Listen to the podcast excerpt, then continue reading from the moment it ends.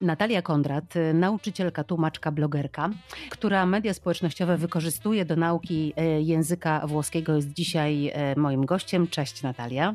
Cześć, dzień dobry. Piszesz na Instagramie, że uczysz tak, jak marzyłaś, by uczyć. Ja bym chciała, żebyś powiedziała e, słuchaczom, którzy jeszcze Cię nie znają, czyli jak uczysz. To, co napisałam, to odniosłam tak e, szczególnie do materiałów, czyli e, tworzę materiały, o których sama marzyłam. Czyli w ogóle cały blog mój o języku włoskim powstał z takiej, wtedy już nawet nie potrzeby, ale takiej myśli Fajnie by było, żebym to, czego się wszystkiego nauczyłam, będąc we Włoszech, i tutaj często mam na myśli, nie ukrywam tego, na imprezach, e, chodząc z ludźmi e, mm -hmm. do pubów i gadając, często przy alkoholu, w życiu dokładnie. E, tak jakby zdałam sobie sprawę z tego, jak bardzo dużo rzeczy nauczyłam się dopiero w życiu, jak dużo rzeczy e, o tym języku nie miałam pojęcia. E, I wyobrażam sobie, że podobnie jest z językiem angielskim, którego się uczymy w szkole, akurat tutaj włoski jest dosyć niszowy, natomiast e, na pewno też język angielski, którego gdzieś możemy się nauczyć ze znajomymi, czy na Erasmusie, czy po prostu wyjeżdżając sobie do Anglii i poznając nowych ludzi, to jest całkowicie inny poziom znajomości języka, w ogóle zasobu słownictwa, które okazuje się, że, że jest na mhm. znacznie więcej słów potrzebnych i innych niż tych, których się właśnie uczymy w szkole. Jesteś obecna na Instagramie, nie tylko, bo i na YouTubie e, prezentujesz e, filmiki, i na Facebooku. Bardzo mocno w te media e, społecznościowe weszłaś. Co one ci dają i co one dają twojemu uczniowi? E, no to jest taka forma, e, z którą mogę być blisko mojego odbiorcy, mojego ucznia. I to może być coś, co wchodzi do naszego życia na co dzień. Czyli my też no, codziennie używamy tych e, mediów społecznościowych, scrollujemy dla, zazwyczaj dla rozrywki, chociaż coraz częściej e, wydaje mi się, że też każdy próbuje szukać czegoś czego może się nauczyć. Ja też uczę się wielu różnych rzeczy y, na Instagramie na przykład, z różnych dziedzin, czy to psychologia, czy wiele, wiele innych rzeczy. Do języków to jest idealne, no bo faktycznie ciągle skrolujemy i jeżeli możemy coś przy okazji zobaczyć, czegoś przy okazji się nowego nauczyć, no to jest idealne, bo nawet też tak czasami próbuję zdjąć tę presję z uczniów, mówiąc im, że no jeżeli się nie uczyłaś codziennie, no to trudno, no nie katuj się też tą myślą, że nie jesteś systematyczna.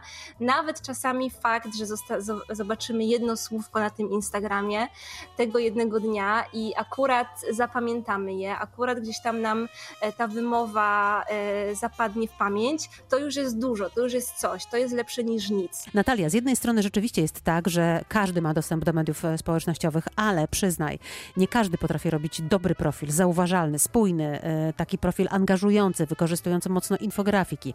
Ty to robisz? Sama się tego uczyłaś?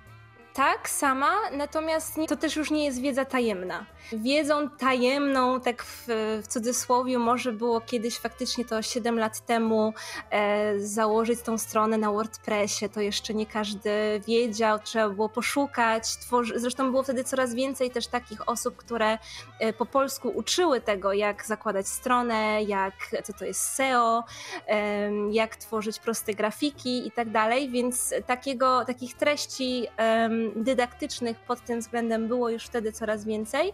I teraz uważam, że jest tego masa. W sensie każdy, kto naprawdę e, potrzebuje zrobić cokolwiek, jakąś prostą grafikę, infografikę, cokolwiek, e, na to jest tyle darmowych narzędzi, które tak krok po kroku nam tak naprawdę no, prowadzą mm. nas za rączkę, że to nie jest nic e, moim zdaniem trudnego. Raczej kwestia jest tego, żeby mieć jakiś pomysł, żeby sobie to zaplanować, mm. żeby stworzyć jakąś bazę e, rzeczy, które chcemy przekazać w czasie. Jak się patrzy na Twoje profile, to ja mam wrażenie, że one są bardzo pracochłonne, że Ty e, sporo czasu poświęcasz na to. Są? Ile czasu siedzisz są, nad są. tym, żeby mhm. stworzyć jeden filmik? Takie jedno posiedzenie, trzy filmiki maksymalnie to jest jeden dzień taki cały bity, że faktycznie mam zarezerwowany czas i potem wychodzi z tego pięć minut. To też jest śmieszne. mam nadzieję, że się Prawda? dochodzi No właśnie trzy filmiki pięciominutowe, ty jeden dzień poświęcasz na to. Dokładnie, jeszcze montowanie i tak dalej. Nie ukrywam no też, że jestem na takim etapie, gdzie mogę delegować zadania i bardzo chętnie to robię. Tego też się musiałam nauczyć, bo na początku wydawało mi się, że nikt nie zrobi czegoś tak dobrze jak ja, czyli te posty muszą być pisane mhm. zawsze przeze mnie, grafiki robione przeze mnie, filmy montowane przeze mnie. Natomiast teraz no, jestem w stanie i chętnie korzystam z tego, że mogę coś delegować innym osobom, bo bym po prostu tych wszystkich pomysłów, które mam, a mam ich zdecydowanie za dużo, nie potrafiłabym zrealizować. Jest taki moment, kiedy jest wybór między, czy teraz tworzę coś na sprzedaż, czy tworzę coś za darmo. A na, kiedy jest ta pomoc u, y, u innych osób, to można i tak jakby dawać odbiorcom te treści darmowe i przy okazji pracować sobie nad tym, co y, będzie lądowało w sklepie na przykład. A sporo ludzi dociera do ciebie właśnie przez media społecznościowe. Ludzi, czyli uczniów, y, których potem uczysz włoskiego. Chyba wszyscy, prawie wszyscy moi uczniowie znaleźli mnie w jakiś sposób mm. w social mediach. Jest to coś w stylu mojej wizytówki. Nie mam już takiej potrzeby, żeby coś komuś na przykład udowadniać lekcją darmową, próbną czy coś takiego. Po prostu wszystko to, co, mhm. e, co z sobą reprezentuje w sieci jest do znalezienia i jest do zobaczenia. Natalia, uczysz włoskiego języka, który no przecież nie jest tak przydatny na przykład jak język angielski. Pytanie więc, czy Polacy chcą się uczyć włoskiego? Chcą bardzo. Nie każdy dojdzie gdzieś mhm. z tym włoskim, ale chęć jest ogromna. Różnica między włoskim a angielskim czy niemieckim jest taka, że tych języków faktycznie bardzo wielu z nas się uczy, ale często z jakiejś potrzeby, z jakiegoś przymusu. Natomiast włoski jest w 90% e, takim wyborem serca. I na tym chyba polega też sukces włoskielowe jako tej całej platformy, że tutaj już przychodzą ludzie, którzy chcą się uczyć, e, którym sprawia radość, że będzie nowy materiał, którym sprawia radość, że kupią e-booka, w którym będą słówka kolokwialne na przykład. E, I to jest całkowicie inny klient niż właśnie osoba, która musi zdać egzamin, nie bardzo chce, trzeba ją przekonać. Tutaj do tego włoskiego tak naprawdę no, nikogo nie muszę przekonywać. Ten, kto chce, to chce bardzo. Problemem jest ewentualnie utrzymanie tej motywacji i wytłumaczenia mm. czegoś tak, żeby faktycznie zrozumiał i żeby chciał iść dalej. Wiesz co, zastanawiam się, czy ten uczeń taki właśnie, który, który kocha, który robi to bez przymusu, e, czy to jest uczeń, który potem również zalicza te egzaminy summa summarum? Mam nadzieję, że tak. Znaczy jestem przekonana, że jeżeli się uczymy z przyjemnością i z radością, to egzamin to jest dla nas proforma. Jeżeli można się uczyć pod egzamin, to fakt, ale jeżeli umiemy język, to zdamy egzamin. A jeżeli bardzo chcemy się uczyć, to, to się nauczymy i ten egzamin zdamy, więc to na pewno idzie w parze. Natomiast oczywiście zdarzają się też osoby, które studiują filologię i nie bardzo sobie radzą. Niektórzy nie czują wcale tego języka, mimo że on się gdzieś na ich drodze pojawił. No i też umówmy się, że pasja to nie wszystko, jednak ciężka praca y, w nauce języka jest podstawą, ale wydaje mi się, że o wiele łatwiej się do tej ciężkiej pracy przekonać, jak nam to przy okazji sprawia przyjemność. I to też jest kwestia materiałów i dlatego ja. Na te materiały stawiam, bo bardzo łatwo je zniechęcić do języka, bo zawsze jest najważniejszy ten pierwszy krok, żeby usiąść, otworzyć, poczytać, powtórzyć i jeżeli te materiały do tego mają zachęcać, to tym bardziej bardzo, bardzo się cieszę. A jak miłość do języka włoskiego, e, która zaowocowała, że tak już zdradzę miłością do Włocha, pojawiła się w Twoim życiu? A bardzo prozaicznie, bo e, po mhm. wakacjach, których wiele dosyć spędziliśmy z rodzicami we Włoszech, kiedy byłam mała, podobało mi się. Dla mnie wtedy Włochy były pierwszym krajem za granicą, w którym byłam. E, który poznałam i wydawał mi się po prostu rajem, był czymś e, niesamowitym. I po kilku latach takich wakacji we Włoszech pomyślałam sobie, czemu ja tego włoskiego się jeszcze nie nauczyłam, skoro co roku tam jeździmy na wakacje, a miałam wtedy 14 lat, więc to była taka decyzja dosyć, no nie chcę powiedzieć, że dojrzała, ale taki wniosek no dosyć daleki, nie, dla takiej e, dziewczynki 14-letniej. I wtedy postanowiłam, że chciałabym się uczyć włoskiego. Miałam kiepski kontakt z niemieckim, który miałam w szkole. Dlatego to tak bardzo odrzuciłam na bok i włoski się stał dla mnie takim, no przede wszystkim taką moją rzeczą, czyli coś, co było mojego, coś, co wyszło z mojej inicjatywy, to była moja decyzja, że ja się tego włoskiego będę uczyć, to jest coś, co mnie wyróżniało też na tle rówieśników, bo miałam, uczyłam się jeszcze języka więcej niż w szkole. Studiowałaś też we Włoszech, no i z Włoch przywiozłaś narzeczonego.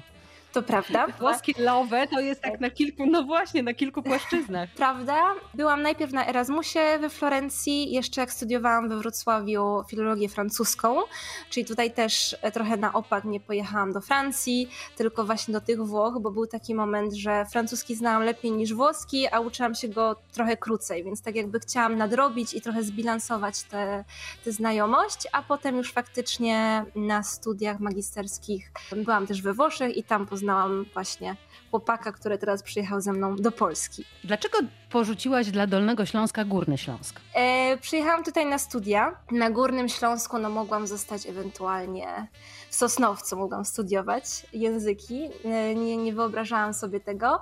Tak naprawdę no, wybór miałam między Krakowem a Wrocławiem, bo wtedy wszyscy jeździli na studia albo do Krakowa, albo do Wrocławia. Mnie ten Kraków jakoś nie przekonywał. E, byłam kiedyś we Wrocławiu na jakichś warsztatach poetyckich jeszcze w liceum.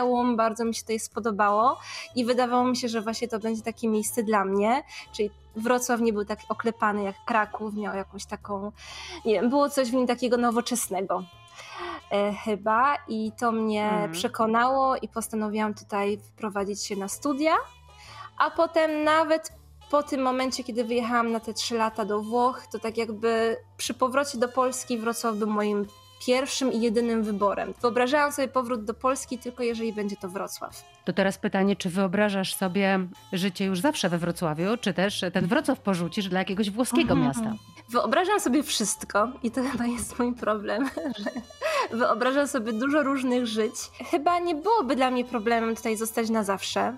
Wrocław uwielbiam, a z drugiej strony no też mi się marzą różne włoskie miasta i różne też niewłoskie miasta, bo tak naprawdę ogólnie lubimy dużo podróżować i jest dużo różnych miejsc, gdzie wyobrażam sobie, że moglibyśmy zamieszkać. Natomiast gdyby to był Wrocław, to byłoby dobrze. Myślę, że jest to w jakimś sensie miasto idealne. Nie jest za duże, nie jest za małe, jest tutaj wszystko to, czego potrzebuję.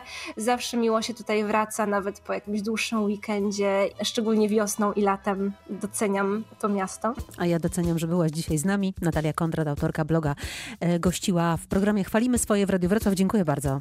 Dziękuję bardzo.